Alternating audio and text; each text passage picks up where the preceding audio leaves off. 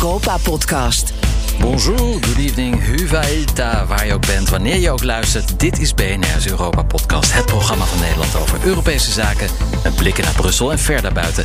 Mijn naam is Stefan de Vries en naast mij staat mijn gewaardeerde collega Eurocommissaris Geert-Jan Haan. Goedenavond, Tere Oeketoest in goed Estisch, een van de officiële talen van Europa die Frans Timmermans niet spreekt. Maar je hoort hem wel, deze podcast. Daarin ook een interview met de Belgische staatssecretaris Thomas Dermien. En we spreken met een Overijsselse Ik, ik krijg er niet echt een vinger achter wat nou het echte argument is om dit, uh, om dit niet te willen. Onderwerp van het gesprek, het coronaherstelfonds. Alle EU-lidstaten hebben inmiddels een plan ingediend. Alle landen, nee, één klein landje aan de Noordzee, blijft dapper weerstand bieden tegen al dat gratis geld. En dat is natuurlijk Nederland. Daar wordt natuurlijk wel een beetje over uh, gegniffeld in Brussel. En volgens onze informatie komt er pas op zijn vroegst in het voorjaar van 2022 een voorstel vanuit Den Haag. Terwijl landen om ons heen al maanden terug hun eerste uitbetaling hebben gehad. En daar dus nu al mooie dingen mee doen. En dat vinden onze zuidenburen. Zuidenbieren. best wel een beetje zonde. In, in, in Vlaanderen zeggen zij: aast u langzaam Verder aandacht voor ander nieuws uit Brussel. Een boel problemen weer deze week. Maar ook, om mee te eindigen, een heel positief bericht. Ja, je luistert naar de Europa-podcast. We maken ook wekelijks een radio-uitzending op de ouderwetse FM. Elke woensdagavond tussen 7 en half 8 bij BNR. Voor als je bovenop het Europese nieuws wilt zitten. En luister je naar onze podcast via bnr.nl heel goed. Maar je kunt onze podcast ook downloaden in de BNR-app. Of uh, op je eigen favoriete podcastplayer beluisteren. Zoek ons op Europa Podcast. Het is een tip van het huis. En of je nou naar de FM of de podcastversie luistert, op het eind hoor je altijd de prachtige Europese hit van de week.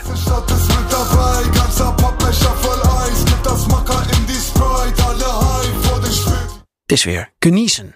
Absoluut. Prachtig. BNR Europa Podcast. Eurocommissarissen Haan en de Vries houden de Brusselse zaken scherp in de gaten. Tijd voor de Europese week, Stefan. Er gebeurt weer een boel omdat het eerder niet is gebeurd. En er gebeurt weer een boel niet terwijl het wel zou gebeuren. Ja, je maakt het wel heel spannend en ingewikkeld eigenlijk zo, Geert-Jan. En toegegeven, het is ook ingewikkeld. Laten we beginnen met het nieuws over migratie. Want het Europese parlement komt met een nieuw migratiepact. Vorig jaar was er nog een nieuw pact gepresenteerd, toen al. Maar dat bleek niet uitvoerbaar. Want lidstaten liggen continu met elkaar overhoop als het aankomt op de uitvoering. Het is ons nog niet helemaal duidelijk waarom een hervorming van dit nieuwe plan, van het oude nieuwe plan, wel tot een oplossing voor het asiel- en migratievraagstuk moet leiden. Feit is wel dat slechts een derde van alle asielverzoeken in de EU wordt ingewilligd en dat een derde van de uitgeprocedeerde asielzoekers daadwerkelijk de EU verlaat. Kortom, voor de bulk is geen oplossing ontstaan. Een gemeenschappelijke asielprocedure wordt nu genoemd als de heilige graal. Wij wachten af. Ja, en ondertussen zijn Europarlementariërs Thijs Reuten en Tineke Strik uh, in, uh, in het oosten. Zij monitoren een migratiecrisis binnen de EU die ook heel zichtbaar wordt. Zowel aan de Poolse als de Litouwse grens proberen vluchtelingen vanuit Wit-Rusland de Unie binnen te komen. Polen en Litouwen weren hen met harde hand en soms zelfs met de dood tot gevolg. En het gaat vaak om vluchtelingen die door de Wit-Russische dictator Lukashenko uh, zijn geïmporteerd tussen haakjes om de EU te destabiliseren. De EU-landen die grenzen aan Wit-Rusland, die weten volgens deze Europarlementariërs ter plaatse echter niet hoe ze dit op een menselijke manier moeten oplossen. Ze worden teruggestuurd zonder hun asielaanvraag in behandeling te nemen. En dat is volgens Tineke Strik in strijd met Europees en internationaal recht. En uh, zij en Thijs Reut onderzoeken dus ook de rol van het EU-grensagentschap Frontex in het kader van pushbacks. Het was heel interessant om te spreken met vertegenwoordigers van Frontex, NGO's, uh, mensen die ook uh, aan de grens werken. In Litouwen konden we de grens ook bezoeken. We hebben ook gesproken met mensen die daar uh, in detentie zitten. Ze kunnen daar niet uit, maar die zitten in procedure. In Polen is dat eigenlijk nauwelijks het geval. Uh, daar uh, maakt de Poolse regering in feite ook gebruik van de crisis door heel erg te laten zien um, uh, hoe streng men is aan de grens. Um, en dat geeft een heel ander beeld dan, dan in, in Litouwen. En waar ook voorlopig nog geen oplossing voor is, is de Europese gascrisis. Bij een spoedvergadering met de EU-ministers hebben Nederland en tien andere landen aangegeven niet te willen ingrijpen. Dat zou nadelig kunnen uitpakken voor de energietransitie, zo beargumenteert minister Blok in een brief aan de Tweede Kamer. Wat er Europees af te spreken valt, dat horen we later deze week. Ja, laten we dan eindigen met goed nieuws over iets dat niet gaat gebeuren. De Poolse premier Mateusz Morawiecki heeft de Europese Unie gewaarschuwd met een derde wereldoorlog. Wauw, ja. Nou, ga, ga, er maar aan staan. Hij dreigde met deze, ja, eigenlijk een Godwin is het. Maar we hebben geen militaire dienstplicht meer, dus ik ben kansloos. Hoe gaan we dat doen? Oh, nou, je wordt wel opgeroepen. um, hij dreigde met een felle reactie als de EU financiële hulp aan Polen stopt als straf voor de anti-Europese maatregelen in zijn land. En hij voegde daaraan toe met alle wapens die we tot onze beschikking hebben. Nou, dat, dat is volgens mij niet zo heel veel. Maar, Stefan, even later was een derde wereldoorlog gelukkig weer ver weg voor mijzelf en voor Nederland, want ik had het niet kunnen verdedigen. Volgens een woordvoerder van Morawiecki waren de woorden van de premier een retorische hyperbol, jawel, en dus niet uh, letterlijk bedoeld. Hebben we dat deze week met elkaar in ieder geval afgesproken, Stefan? Er komt geen derde wereldoorlog. Onze agenda is namelijk al overvol. Wacht niet langer met een Nederlands plan voor het corona-herstelfonds. En werk nou eens met ons samen. Dat stellen Nederlandse gemeenten en provincies tegen BNR. Of beter gezegd tegen mijn zeer gewaardeerde collega Stefan de Vries. Stefan, wat is er aan de hand? Het corona-herstelfonds, of officieel Next Generation EU. Dat is de pot met goud die Europa erop moet helpen na de coronacrisis. 800 miljard euro zit erin, in de vorm van leningen en subsidies. De Europese Commissie leent dat geld tegen een extreem lage rente en speelt dat door aan de lidstaten. Het is nagenoeg gratis geld dus. Het loopt storm met plannen vanuit heel Europa. Veel lidstaten hebben zelfs de eerste bedragen al overgemaakt gekregen. En één land springt eruit. En dat is Nederland. Ja? Ja. Wat hebben wij dan overgemaakt gekregen? 0,0000 achter de komma. Uh, ondanks het feit dat we aanspraak kunnen maken op maar liefst 6 miljard euro. Voor allerlei projecten. Voor bijvoorbeeld digitalisering, vergroening en de energietransitie. Nou, dat geld ligt klaar. In Brussel ligt gewoon te wachten op goede plannen. En ja, er zijn heel veel goede plannen. En vooral in de gemeentes en in de provincies. Nou, bij de lagere overheden is nu het geduld op. En daar praten we over met Eddy van Heijem. Hij is gedeputeerde in Overijssel en ook bestuurslid van het IPO, het Interprovinciaal overleg. Hij doet namens alle provincies het woord over dit onderwerp. Meneer Van Heijem, goeiedag. Morgen donderdag komt u met een oproep. Beste Mark en beste Stef. Om toch maar vooral haast te maken met dat geld. Het is alweer een oproep, want dat deden jullie in juni ook al vier maanden geleden. Den Haag lijkt doof voor jullie plannen. Is uw geduld op?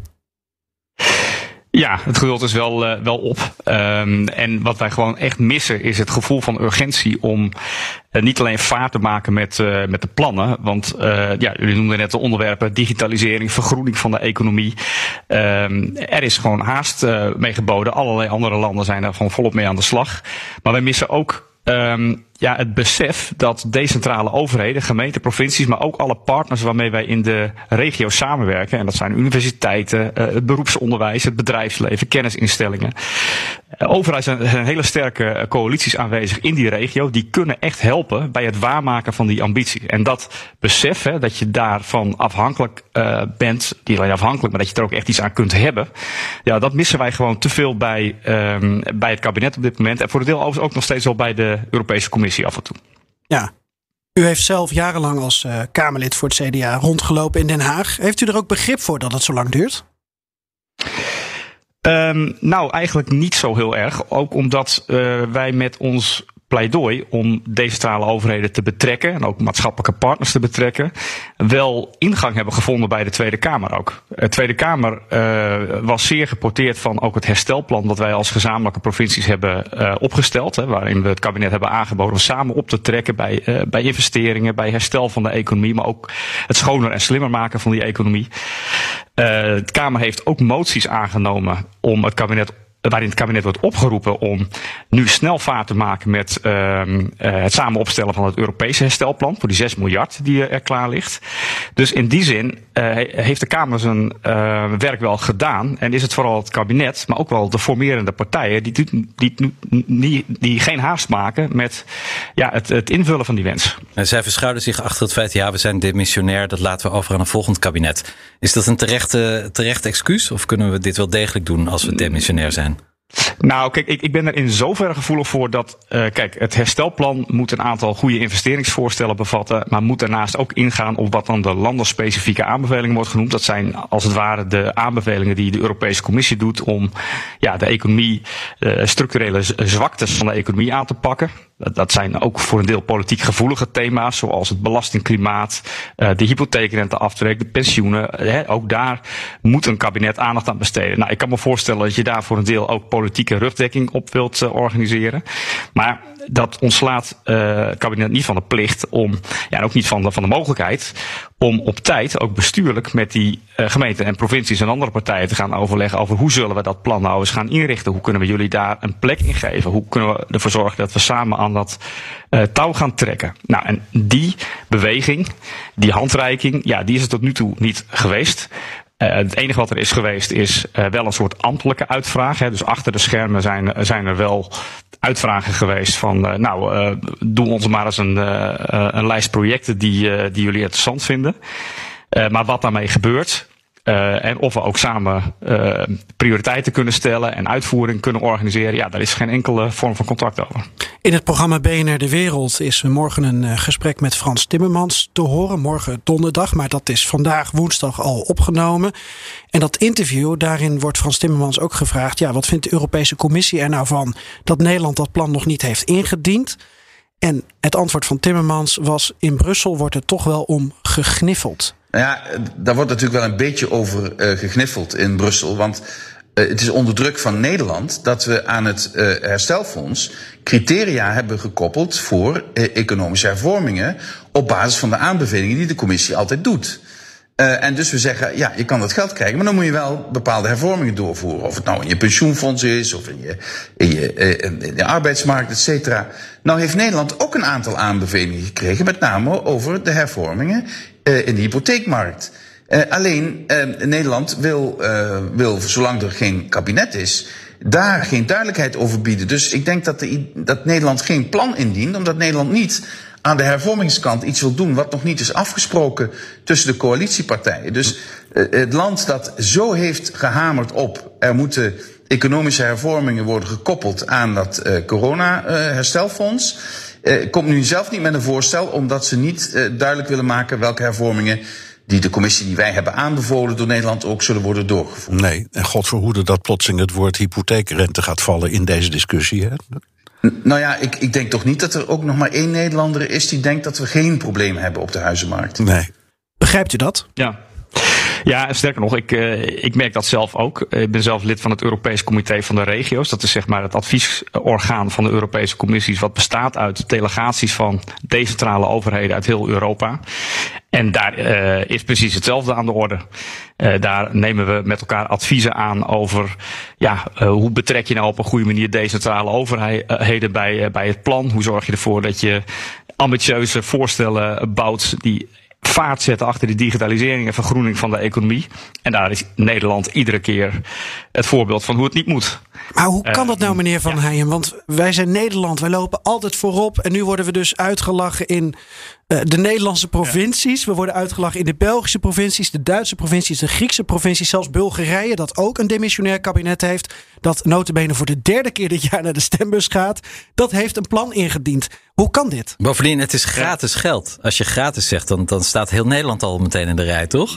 Ja, dat is natuurlijk ook niet helemaal waar. Want uh, de lidstaten brengen met elkaar uh, het geld op en ook de garanties op om uh, op Europees niveau een fors investeringsprogramma te kunnen bouwen. En daar zit ook voor Nederland, denk ik, als je vraagt naar een verklaring, wel een beetje de reden waarom uh, ja, Nederland niet voorop loopt, is omdat het verhoudingsgewijs om relatief weinig geld gaat. 6 miljard is veel geld, hè, begrijp me niet verkeerd. En ik vind ook dat we daarmee aan de slag moeten.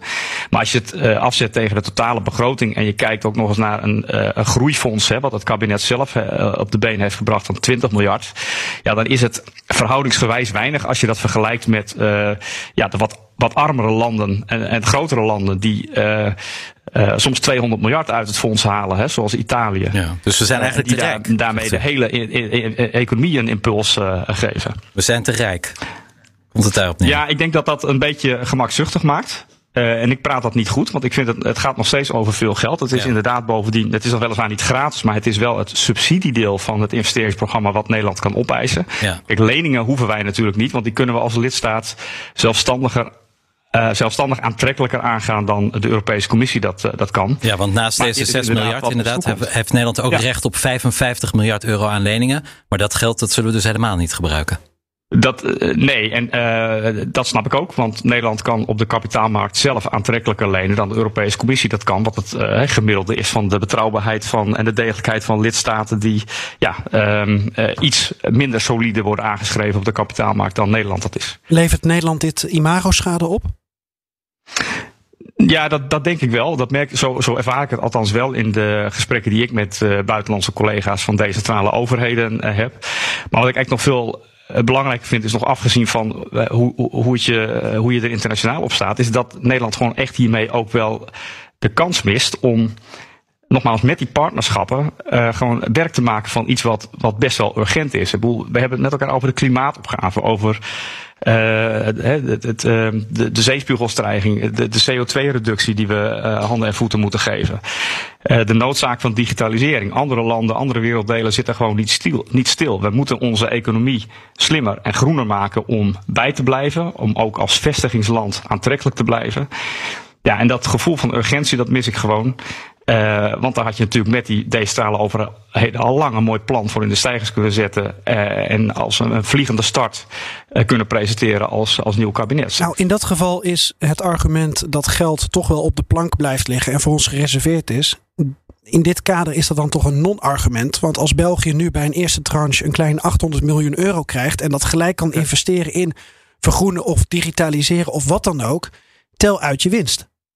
Zeker, zeker. En daarom is het ook, uh, ik ben het daar zeker mee eens. Uh, het is een gemiste kans. En ik, ja, ik heb eigenlijk niet zo'n heel uh, goede verklaring voor het feit dat het, het kabinet daar zo'n blinde vlek voor lijkt te hebben. Ook voor dat partnerschap met die decentrale overheden. Het is niet onze ambitie om op de stoel van het kabinet te gaan zitten. Integendeel, wij denken dat we juist op die ambities die Europa en het kabinet hebben, die ook een nieuw kabinet zal, zal hebben, dat wij daar een belangrijke rol als partners in kunnen vervullen. Nou, wat uh, verzet zich er dan tegen om uh, vroegtijdig met die partners om de tafel te gaan zitten, uh, ideeën op een rij te zetten en kijken hoe je vaart kunt maken. Laat ik één, één voorbeeld noemen van wat op Europees niveau waar veel van de lidstaten wordt verwacht, is bijvoorbeeld de renovation wave, hè, de, de grote uh, vernieuwings- en, en uh, verduurzamingsgolf voor uh, bedrijfsgebouwen, voor scholen, voor ziekenhuizen, voor woningen. Die gewoon nodig is om een bijdrage te leveren aan die klimaatopgave, maar ook om de energierekening van huishoudens en bedrijven te drukken. Nou, daarvoor wordt heel erg gekeken naar dit herstelfonds. Er zijn ontzettend veel gemeenten en provincies die uh, plannen echt op de plank hebben liggen om morgen te starten met die verduurzaming van, van gebouwen. Daar kun je gewoon mee aan de slag gaan. Hetzelfde geldt voor bijvoorbeeld de waterstofrevolutie. we willen allemaal uh, een schone economie, waterstof een belangrijke rol geven. Niet alleen het opwekken van de waterstof, maar het moet straks ook opgeslagen worden. Het moet getransporteerd worden naar alle uithoeken van de economie. Allemaal plannen uh, zien we van onderop uh, opborrelen. Maar er is geen samenhangende investeringsstrategie die ja, ons echt snel verder helpt. Nee. Nou, dat zijn zomaar wat voorbeelden waarvan ik zeg, nou, uh, ga daar nu aan de slag, want uh, geen tijd te verliezen. Ja, dat niet alleen de plannen liggen op de plank. En bovendien, als de aanvraag wordt goedgekeurd in Brussel. Hè, dat, dat is echt een kwestie van weken tussen indienen van plan en het geld op je rekening. Je ja. zou zeggen, uh, daar moet Den Haag toch echt uh, wel staan te juichen. Uh, Morgen donderdag trekt u uh, met een lange stoet van de twaalf provinciën woedend naar Den Haag. Uh, u wordt vergezeld door een hele lijst organisaties, eigenlijk heel lobbyend Nederland. De Unie van Waterschappen, VNO, NCW, MKB, de Nederlandse Universiteiten, Bouwend Nederland, Holland Bio, um, zelfs de Vereniging Innovatieve Geneesmiddelen. Wat willen die Die zijn allemaal? allemaal woedend. Die zijn allemaal boos. Uh, zitten er ook trekkers bij? Hoe moet ik dit voor me zien? Want ik, je brengt het heel visualiserend. Nee, het zijn figuurlijke, figuurlijke trekkers. Oké. Okay. Ja. Maar ja. we, we, we vinden het echt ontzettend belangrijk dat we juist met deze brede coalitie uh, het signaal afgeven. Omdat dat echt de partners zijn waarmee je ziet. Dat is ook de, de, regionale dimensie die we natuurlijk inbrengen. Dat in alle delen van het land, of het nou Limburg is of Noord-Nederland, of het is Brainport Eindhoven, of het is Twente, of het is Wageningen. Er zijn overal in het land clusters van samenwerkende overheden, bedrijven, kennisinstellingen die stukjes van die puzzel met elkaar uh, leggen. En um, die kunnen allemaal bijdragen, niet alleen aan, dat verdienvermogen van Nederland, maar ook aan, uh, ja, aan het vergroenen, aan het slimmer maken. Um, en die kracht die moet je gewoon uh, benutten. En er zit heel veel energie in die regio's. Uh, ja, en we zijn ook gezamenlijk, dus om die reden boos. Um, dat we eigenlijk te laat en te weinig worden betrokken bij deze belangrijke stap. Ja. Minister Hoekstra heeft aangegeven vanaf 1 oktober toch wel uh, na te denken over een plan, er, eraan te werken. Met het idee dat er dan, geloof ik, uh, ergens begin november iets zou moeten liggen. Is dat ook het signaal dat u heeft opgevangen? Ja, nou, ik heb formeel nog niets gehoord. We hebben al een aantal malen uh, signalen afgegeven dat we graag het gesprek erover willen aangaan. En niet op een moment dat het plan natuurlijk al helemaal in beton gegoten is. Ja. Uh, en dat je achteraf nog kunt zeggen van ja, wilt u even bij het kruisje tekenen. Uh, maar wat heeft u dan informeel gehoord? Nou ja, dat, uh, dat voor een deel dat plan inderdaad uh, al in de, uh, in de stijger staat. En uh, ja, dat de ruimte om straks echt nog iets ervan te vinden wel eens heel beperkt zou kunnen zijn. Oh, dus ja. u bent al buitenspel gezet? Dat uh, hoop ik niet. Ik hoop ook niet dat dat klopt. Ik vind dat ook in strijd met wat de Tweede Kamer aan het kabinet heeft gevraagd. Namelijk de motie van uh, mevrouw Van Dijk in mei van dit jaar. Uh, die zei eigenlijk al, die constateerde eigenlijk al dat, dat overheden te laat werden betrokken. En uh, riep het kabinet toen al op om het conceptplan nadrukkelijk te consulteren met alle uh, stakeholders, waaronder de decentrale overheden. Ja, dan kan het natuurlijk niet zo zijn dat je pas uh, uh, aan de aan zet bent op het moment dat het plan al helemaal klaar is. Nee, want dat is ook een van uw kritiekpunten hè, in de oproep met al die organisaties. U hekelt eigenlijk de Haagse achterkamertjespolitiek en u stelt voor om het samen te doen in alle openheid. Nou, terwijl u dat voorstelt, zitten degenen aan wie dit gericht is op een Hilversums landgoed te bakkeleien voor de zoveelste keer. Voelt u zich nog wel serieus genomen? Ja, dat is af en toe uh, op dit onderdeel zeker uh, moeilijk. Uh, ook omdat ik oprecht niet zie wat zich er tegen verzet om dat overleg gewoon aan te gaan. Zelfs als demissionair kabinet. Hè, dan kun je zelfs nog zeggen, al, uh, met alle voorbehouden van wat een nieuwe uh, kabinet allemaal gaat besluiten. Um, je kunt Zeker omdat deze on onderwerpen niet omstreden zijn. Het gaat over wat op Europees niveau dan heet de digitale en groene transitie. De twin transition noemt men het. Hè. Dus wil echt die economie een impuls geven. Ik zie uh, op geen enkele manier uh, waarom dat politiek zeer omstreden is in de uitwerking die je samen met uh, decentrale overheden eraan kunt geven. dat kun je dus nu in de stijger zetten. Uh, en ik begrijp eigenlijk niet zo goed. We hebben dat op alle mogelijke manieren in bestuurlijke overleggen met, uh, met minister Blok en met destijds staatssecretaris Keizer. Um, via Kamermoties um, onder de aandacht gebracht. Er zijn kritische rapporten uitgebracht inmiddels van het comité van de regio's waar ik het net over had. Die ook zeggen lidstaten moeten hun uh, partners serieus nemen. En er zijn in Europa goede voorbeelden van, er zijn minder goede voorbeelden van. Maar het kan natuurlijk niet zo zijn dat je als Nederland bij uitstek uh, iedere keer het, uh, het voorbeeld bent. ja, zo moet het dus vooral niet. Hè? Ja, wanneer heeft u voor het laatst iemand die ertoe doet hierover persoonlijk gesproken? Deze week. Deze en wat zei deze persoon? Um, ja, uh, we doen ons best. het is. Uh, en ja, ik, ik krijg er niet echt een vinger achter wat nou het echte argument is om dit, om dit niet te willen. Hè. Dus daarom ook nog een keer echt gezamenlijk met alle partijen zeer duidelijk uitspreken. Pak nu die handschoen, handschoen op. Wij, wij staan klaar. Uh, het is echt een uitgestoken hand van, vanuit uh, decentrale overheden om samen dingen op te pakken. Niet om uh, iets dubbel te doen of over te doen. Wij denken dat we echt gewoon met de uitvoeringskracht die we hebben, met de samenwerking die we op regionaal niveau hebben, gewoon het verschil kunnen maken. Het verschil mee kunnen maken met het kabinet op deze belangrijke onderwerpen. En was Wopke Hoekstra gevoelig voor dat argument? Ja, um, uh, uh, er zijn allerlei mensen die, uh, die hierover spreken natuurlijk. En allemaal zijn ze voortdurend gevoelig voor de argumenten, maar er verandert gewoon niks. En dat is wat er nu wel moet gebeuren. Goed. U, er verandert gewoon niets, zegt u beleefd over het corona-herstelfonds en de positie van Nederland. Maar volgens mij heeft u wel 6 miljard redenen om heel boos te zijn nu.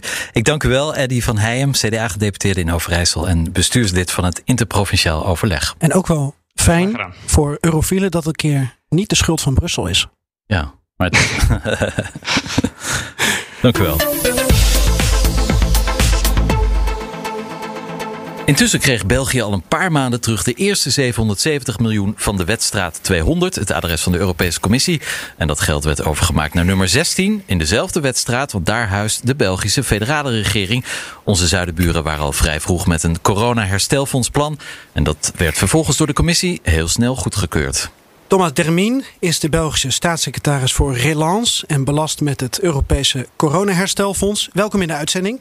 Dankjewel. Ik ben heel blij om bij jullie te zijn. En gefeliciteerd, want van de lage landen bent u de snelste met uh, het indienen van een plan en het geld krijgen. Ja, uh, inderdaad. Wij waren in de top drie, dus op het podium, samen met uh, twee uh, andere landen, met Portugal en Luxemburg, die de geld van Europa hebben ontvangen. Nu blijkt uit ons onderzoek wat Nederland betreft dat diverse Nederlandse overheden, lokale overheden en provincies, die vinden dat zij te weinig worden betrokken bij de plannen, terwijl er wel veel interesse is. En denk ook aan spoorlijnen die grensoverschrijdend zijn of uh, investeringen in waterstof. Uh, dat overleg dat heeft dus in België wel goed plaatsgevonden?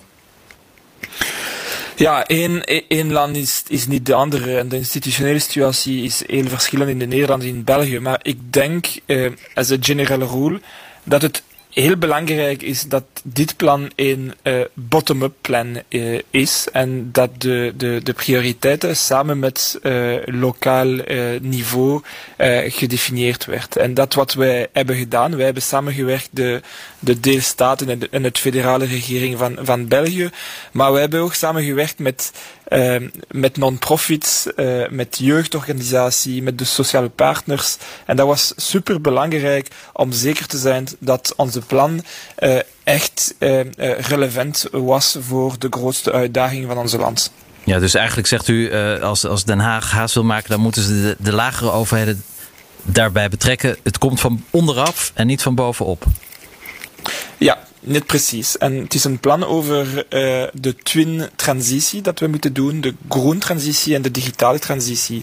En we weten dat deze twee uh, transities uh, heeft heel veel uh, lokale gevolgen hebben. Dus de beste projecten zijn degene die samen met de, de, de, de, de lokale partners gedefinieerd zijn. Dus als ik één advies had voor onze vrienden in Nederland is probeer maar meer partijen te, te, te betrekken in, in, in de proces. En het proces zal zal misschien een, een, een, een paar uh, weken of maanden uh, langer duren, maar dat is beter voor de kwaliteit van, van de plan. Ja, dus eigenlijk... In, het Frans, in het Frans zeggen wij uh, tout seul on va vite, uh, ensemble on va loin. en ik denk dat het heel, heel, heel, heel fijn is voor uh, de drafting van de herstelplannen. Ja, ja, nou inderdaad, tout seul, helemaal alleen, dat is Den Haag. Um, die zit nu op de kip met de gouden eieren. Is het een idee om, om, als we wat sneller willen gaan voor de lagere overheden, om de nationale overheid gewoon te omzeilen en de plannen vanuit de provincie naar de wedstraat 200 te sturen? Nee, ik denk dat er is een uh, echte nood voor een strenge uh, coördinatie. Uh, in ons geval in België heeft het federaal niveau echt het, het rol van een um, chef d'orchestre genomen. en, en, en, ja, dat is, je hebt een, een, een, een nood voor, voor een, een, een vorm van co coherentie en coördinatie. En ik denk dat het nationale niveau, dus Den Haag in de Nederlands, het federaal niveau in, in België, echt uh, nuttig was. Omdat je hebt inderdaad een, een nood voor uh, bottom-up uh, ideeën en projecten, maar je moet zeker zijn dat je toch een vorm van coherentie hebt over het hele land. Ja. En die coherentie heeft u dus, daar zorgt u voor, want u bent speciaal aangesteld als minister van Relance, de herlancering. De um, reset van België. De reset van België. Is, is, dat, is dat echt een dagtaak, dit herstelfondsplan voor u, meneer Damine? Ja, ik heb een, uh, ik heb een, uh, een, een, portfolio met het ook strategische investeringen. In België hebben wij uh, lang een probleem met overheidsinvesteringen gehad. Als ik vergelijk de kwaliteit van onze infrastructuur met de kwaliteit van de infrastructuur in Nederland, zijn wij echt in een slechte positie. Um, dus ja, ik, ik, ik, ik werk op de herstelplan met de EU, maar ook voor een bredere, een bredere plan van infrastructuur in België. En ik ben heel blij om te zeggen dat de eerste keer sinds de jaren tachtig dat wij uh, terug uh, omhoog gaan met onze publieke investeringen in België. Dus dat is uh, heel belangrijk en we zijn super fier met, met dit in België. Ja, Nederland komt waarschijnlijk pas in het voorjaar van 2022 met een plan. Dan hebben we het geld dus nog niet eens. We hebben de goedkeuring nog niet eens. Kunt u uitleggen waarom u namens België wel tempo heeft gemaakt met het plan? Ja, snelheid is, was voor ons een, een, een, een belangrijke factor. En, en dat is uh, het reden waarom wij full steam uh, hebben gewerkt. Uh, en dat wij een van de eerste landen in Europa waren die zijn plan was goedgekeurd. en ik denk dat snelheid belangrijk is voor twee redenen. enerzijds omdat de relance voldoende, voldoende krachtig moet zijn. de economie heeft door de coronacrisis een van de zwaarste shock sinds de Tweede Wereldoorlog doorgemaakt. En dus hoe sneller we de economische motor uh, opnieuw in gang krijgen, hoe sneller we uit deze crisis uh, zullen geraken. En ten tweede, uh, wij moeten, en dat is een verplichting van Europa, wij moeten alle uh, projecten uh, uh, uitvoeren tegen 2026. Dus hoe sneller je begint met de uitvoering van de project, hoe groter de kans is dat je tegen 2026 kunt alles uitvoeren. Dus ja, de, de, de, de snelheid of uitvoering is ook een van de grootste uitdagingen. En hoe sneller je begint, hoe, hoe, hoe, hoe, hoe beter je positie is. Ja, Den Haag heeft uh, gezegd: het geld blijft voor ons gereserveerd. Het geld blijft in Brussel op de plank liggen. Uh, wat voor signaal geeft Nederland daarmee af volgens u? Een gebrek aan urgentie? Nee, ik denk dat wat de regering heeft gezegd is, is, is helemaal waar. De geld is in, is, is, is, in, is in Brussel, dus het is geen kwestie, er is geen kwestie over een, vermindering, een vermindering van de bedrag.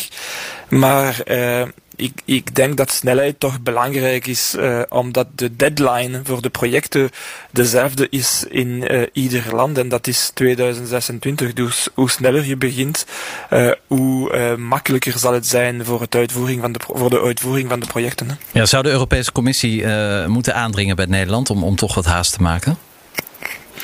Ja, ik heb daarover niks te zeggen. Het is een kwestie voor de, de, de, de, de het regering van, van de Nederlanders en zijn uh, relatie met de Europese instellingen. Ja, tegelijkertijd zegt u wel, als je uh, tempo maakt met je plannen, kun je ook tempo maken met je uitvoering. En ja. daar heb je dan ook langer profijt van. Uh, want uh, wat jullie doen is veel eerder uh, geld ontvangen dat je kunt investeren in verduurzaming, in betere infrastructuur. Ja, en dat blijft bij ons dus op voorraad. Maar ja, op, het, op een meer algemene niveau. Ik denk dat wij zijn echt in een noodsituatie. We weten dat wij een, een, een, een, een, een transitie moeten doen tegen 2030. Dus ik zou zeggen dat iedere dag, iedere maand uh, uh, is, is belangrijk. En hoe sneller we werken, hoe, hoe, beter zijn wij voor de, de volgende generatie. en, en iedereen zou, zou, zou beseffen dat, dat ja, er is echt een een emergency. En dus de investeringen die we doen uh, en die gefinancierd worden door de herstelfonds zijn superbelangrijk voor de klimaat, superbelangrijk voor uh, onze transitie. En dus ze moeten zo, zo snel mogelijk uitgevoerd worden. Ja, dus om dit dossier af te ronden, uh, u heeft het over emergency. Wat zou dan toch uw advies aan Nederland zijn? Ja, uh, wij hebben in België een, een, een, een, traditie om tijd te nemen voor de vorming van onze regering. uh, ik hoor dat de, de situatie uh, nu vergelijkbaar is in de Nederlands. Dat ze, ja, als jullie advies uh, willen, uh, zijn de Belgen altijd bereid, de Belgische mensen altijd bereid om uh, advies te, te, te, geven. Maar ja, ik denk dat het een, een het is, het is geen enorme probleem, omdat het geld ja, op de plank zit in, in, in, in Brussel. maar toch, ik denk dat de uitvoering of de project een, een grote uitdaging is. en ik denk dat als, als, een, als jullie een, een, een, een goede plan willen draften, dan is het belangrijk om uh, de, de lokale niveaus uh, bijeen te, te, trekken. Uh, en dat zal toch tijd nemen. Dus in, in, in Vlaanderen zeggen zij haast u langzaam. maar ja, ik denk dat het geval is voor de, de, de. Dan iets anders nog, meneer Dermine. Um, het hangt samen met visie, vergroening en financiering. De Europese Commissie liet afgelopen week weten debat te willen openen over het herzien van nationale begrotingsregels. Uh, iedereen mag meepraten en ideeën inbrengen. En u, uh, meneer Dermine, u bent gelijk op die trein gesprongen en zegt: Europa moet de komende tien jaar 5000 miljard euro in klimaat investeren. Nou, dat klinkt heel veel. Het is ongeveer 1000 euro per Europeaan per jaar. Maar om dat te realiseren, uh, moeten de afspraken van Maastricht, hè, de beroemde begrotingstekort, de staatsschuld, um, terzijde geschoven worden. kunt u dat uitleggen? Ja, voor mij het gaat uh, om een kwestie van, van geloofwaardigheid in onze strijd voor, voor de klimaat. Uh, ik denk dat de, de transitie naar een groene samenleving uh, en een groene economie is echt de grootste uitdaging van mijn generatie en, en, waarschijnlijk zelfs in de geschiedenis van de, van de mensheid. Ehm, en dus we moeten heel veel investeren in de toekomst, in de klimaat, als wij uh, serieus willen zijn met onze, met onze transitie.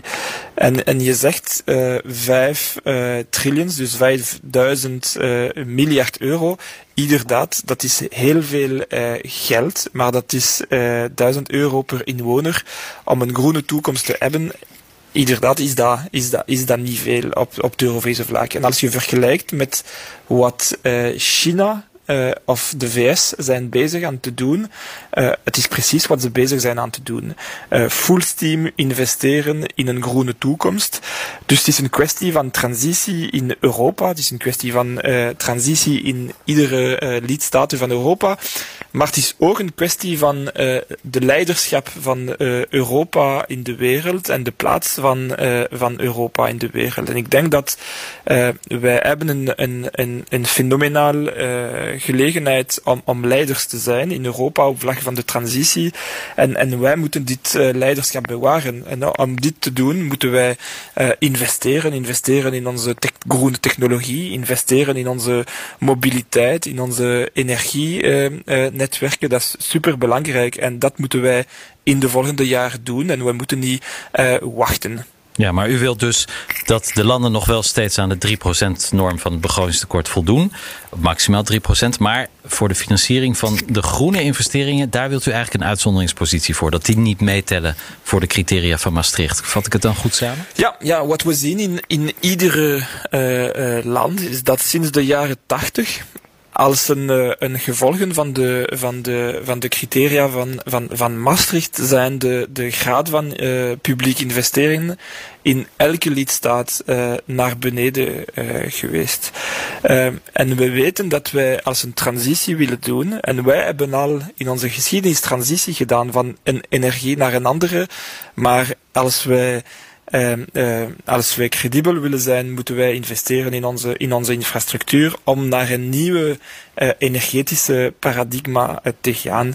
En dus moeten wij zorgen dat in de uh, Europese criteria uh, de, de groene investering toch beschermd zijn, zodat wij verder kunnen, kunnen investeren in iedere plek van, van Europa. Ja, en dan een, een discussie die de laatste weken weer actueel is geworden sinds het stijgen van de energieprijs, namelijk kernenergie.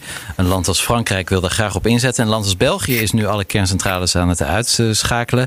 Um, valt investeringen volgens u dan ook uh, onder groene investeringen? Kernenergie. Ja, dat is een heel stevig debat in, in, in België. Deze regering heeft uh, de beslissing genomen om uh, uit de kernenergie te stappen. Uh, nu is de debat over de snelheid.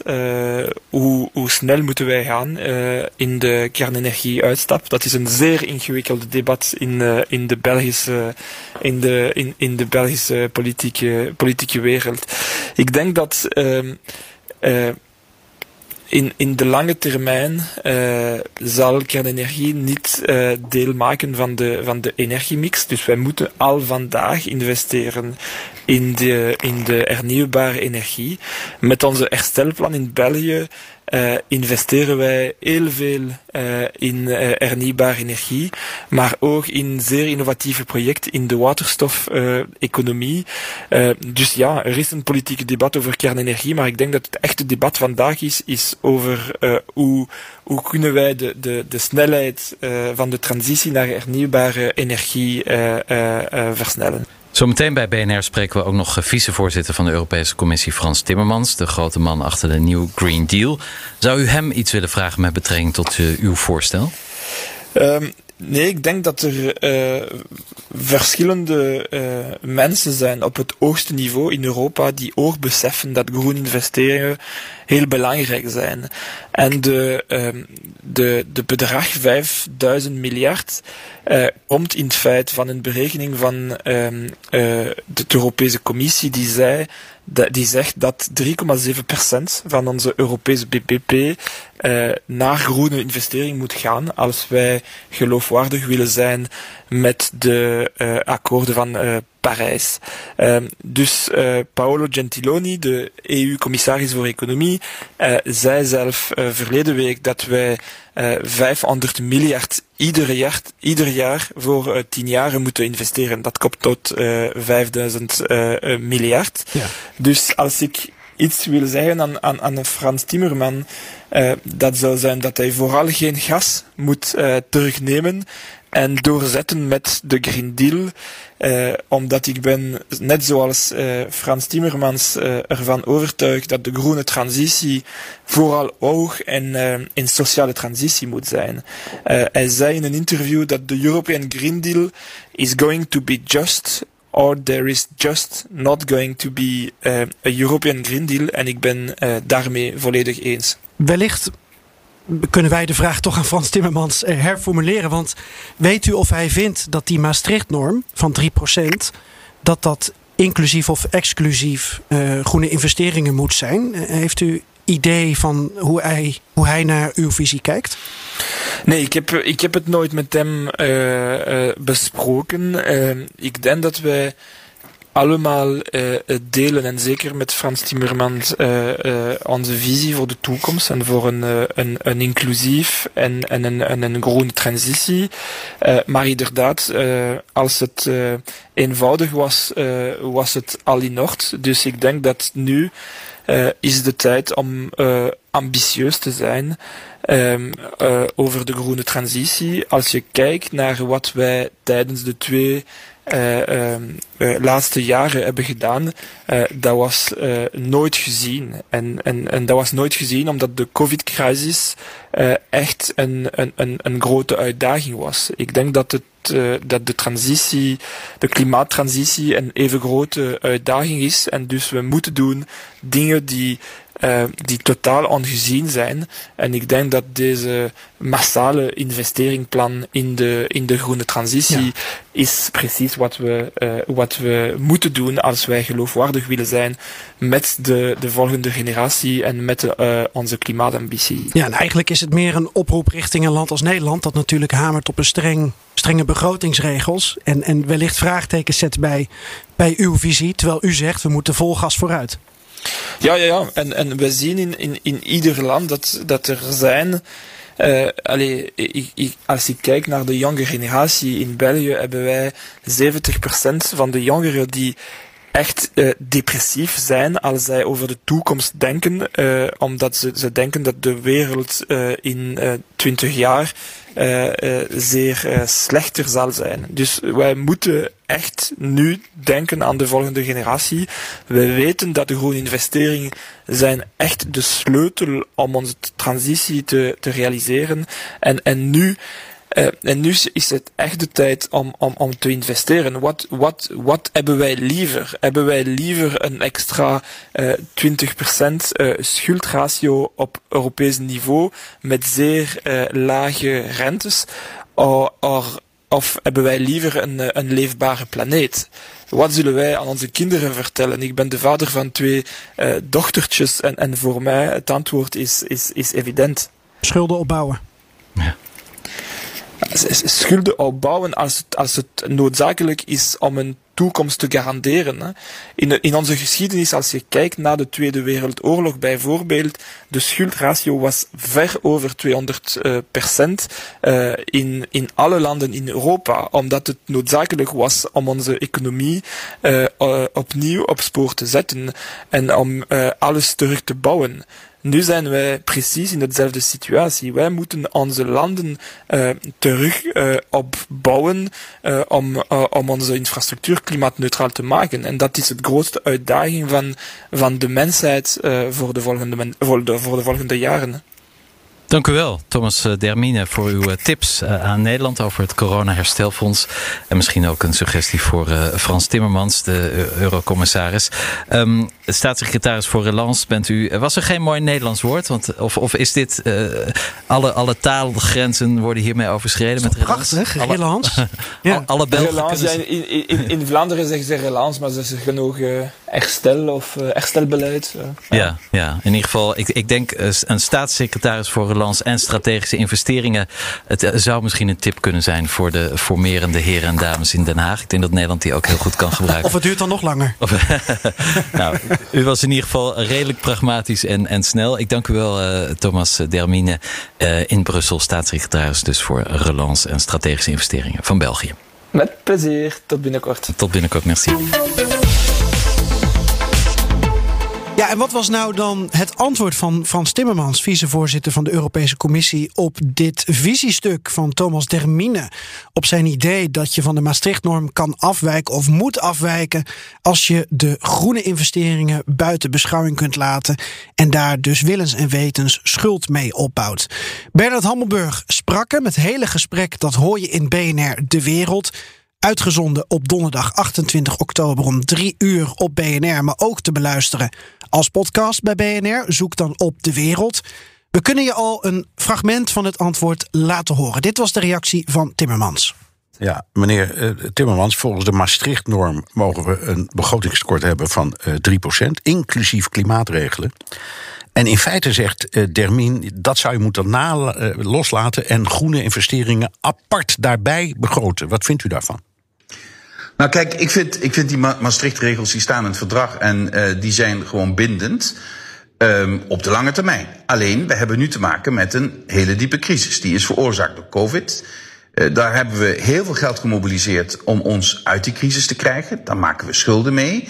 Uh, maar dat is niet erg als we die investeringen ook toekomstgericht maken. Als we dus investeren in de economie van de toekomst. En het probleem is namelijk, die transformatie moet ontzettend snel gebeuren. En daarom moet dat geld ook ontzettend snel gemobiliseerd worden. Maar om zomaar helemaal makkelijk te praten over, ach, laten we maar meer schulden maken.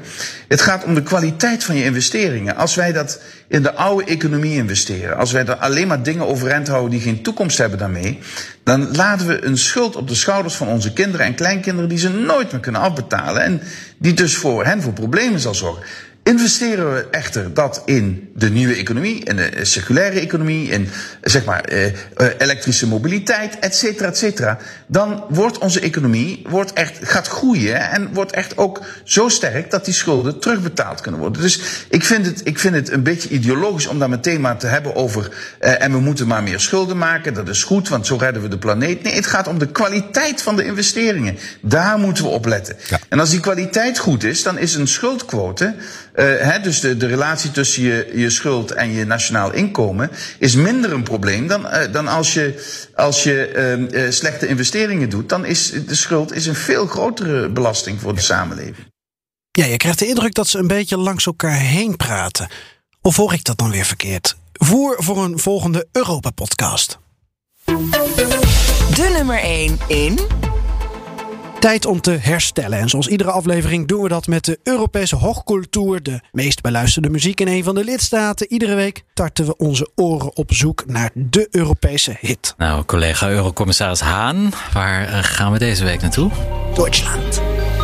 Ganze Stadt ist mit dabei, ganzer Popbecher voll Eis. Mit das Macker in die Sprite, alle Hype vor dem blaues Licht von Polizei. Da bin ich, da bin ich. Wird geschossen, dann fliegt Blei für den